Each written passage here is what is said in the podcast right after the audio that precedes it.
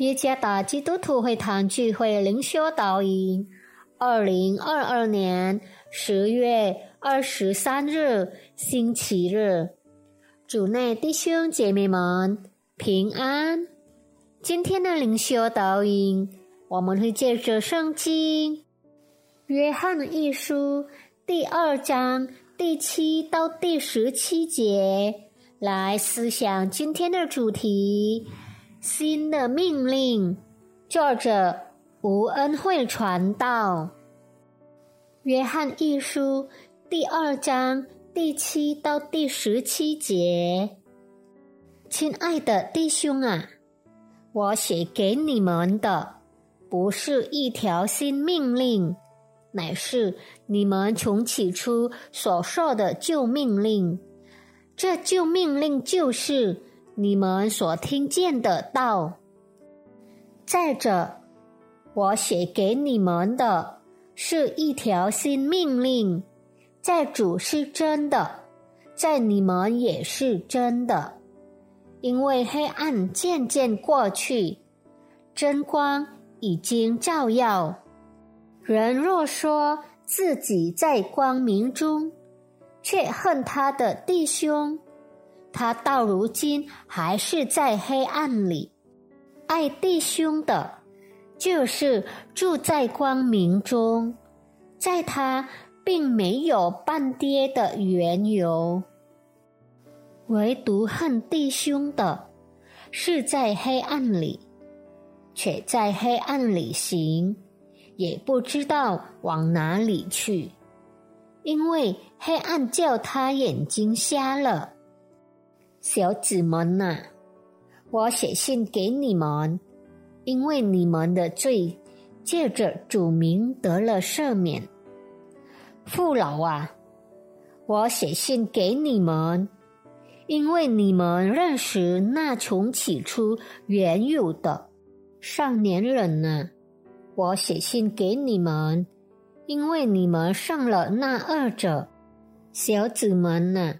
我曾写信给你们，因为你们认识父父老啊。我曾写信给你们，因为你们认识那从起初原有的少年人呐。我曾写信给你们，因为你们刚强，神的道常存在你们心里，你们也上了那二者。不要爱世界和世界上的事。人若爱世界，爱父的心就不在它里面了。因为凡世界上的事，就像肉体的情欲、眼目的情欲，并今生的骄傲，都不是从父来的，乃是从世界来的。这世界和其上的情欲都要过去，唯独遵行神旨意的是永远长存。爱的命令，一方面说是旧的命令，但另一方面又说是新的命令，被称为是一条旧的命令，乃因为它来自旧约。参看《立位记》第十九章第十八节，而在新约中，耶稣以一种新的方式称谓他。参看《约翰福音》第十三章第三十四节和三十五节，主耶稣。带来的许多教导之一，就是超越旧约死板规则的爱。黑暗渐渐过去，真光已经照耀。生活在光明中，不应该互相憎恨，而应该彼此相爱，并且对罪的赦免。心存感恩。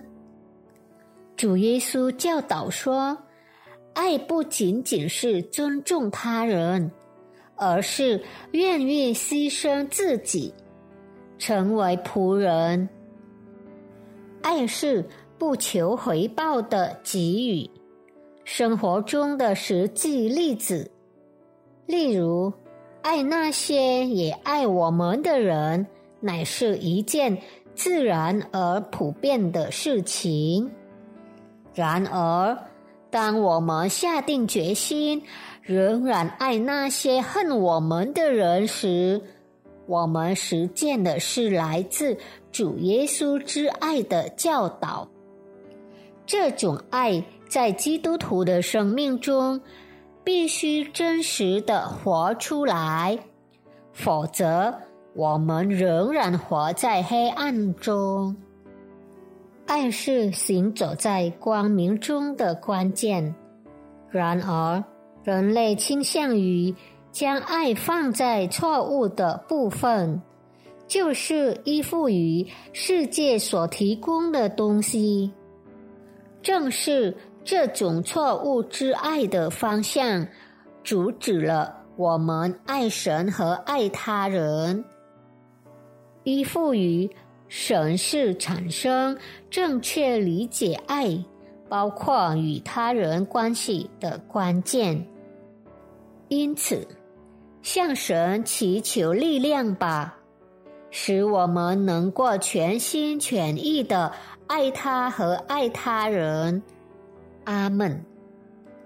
全心全意的爱神，会产生对他人的真爱。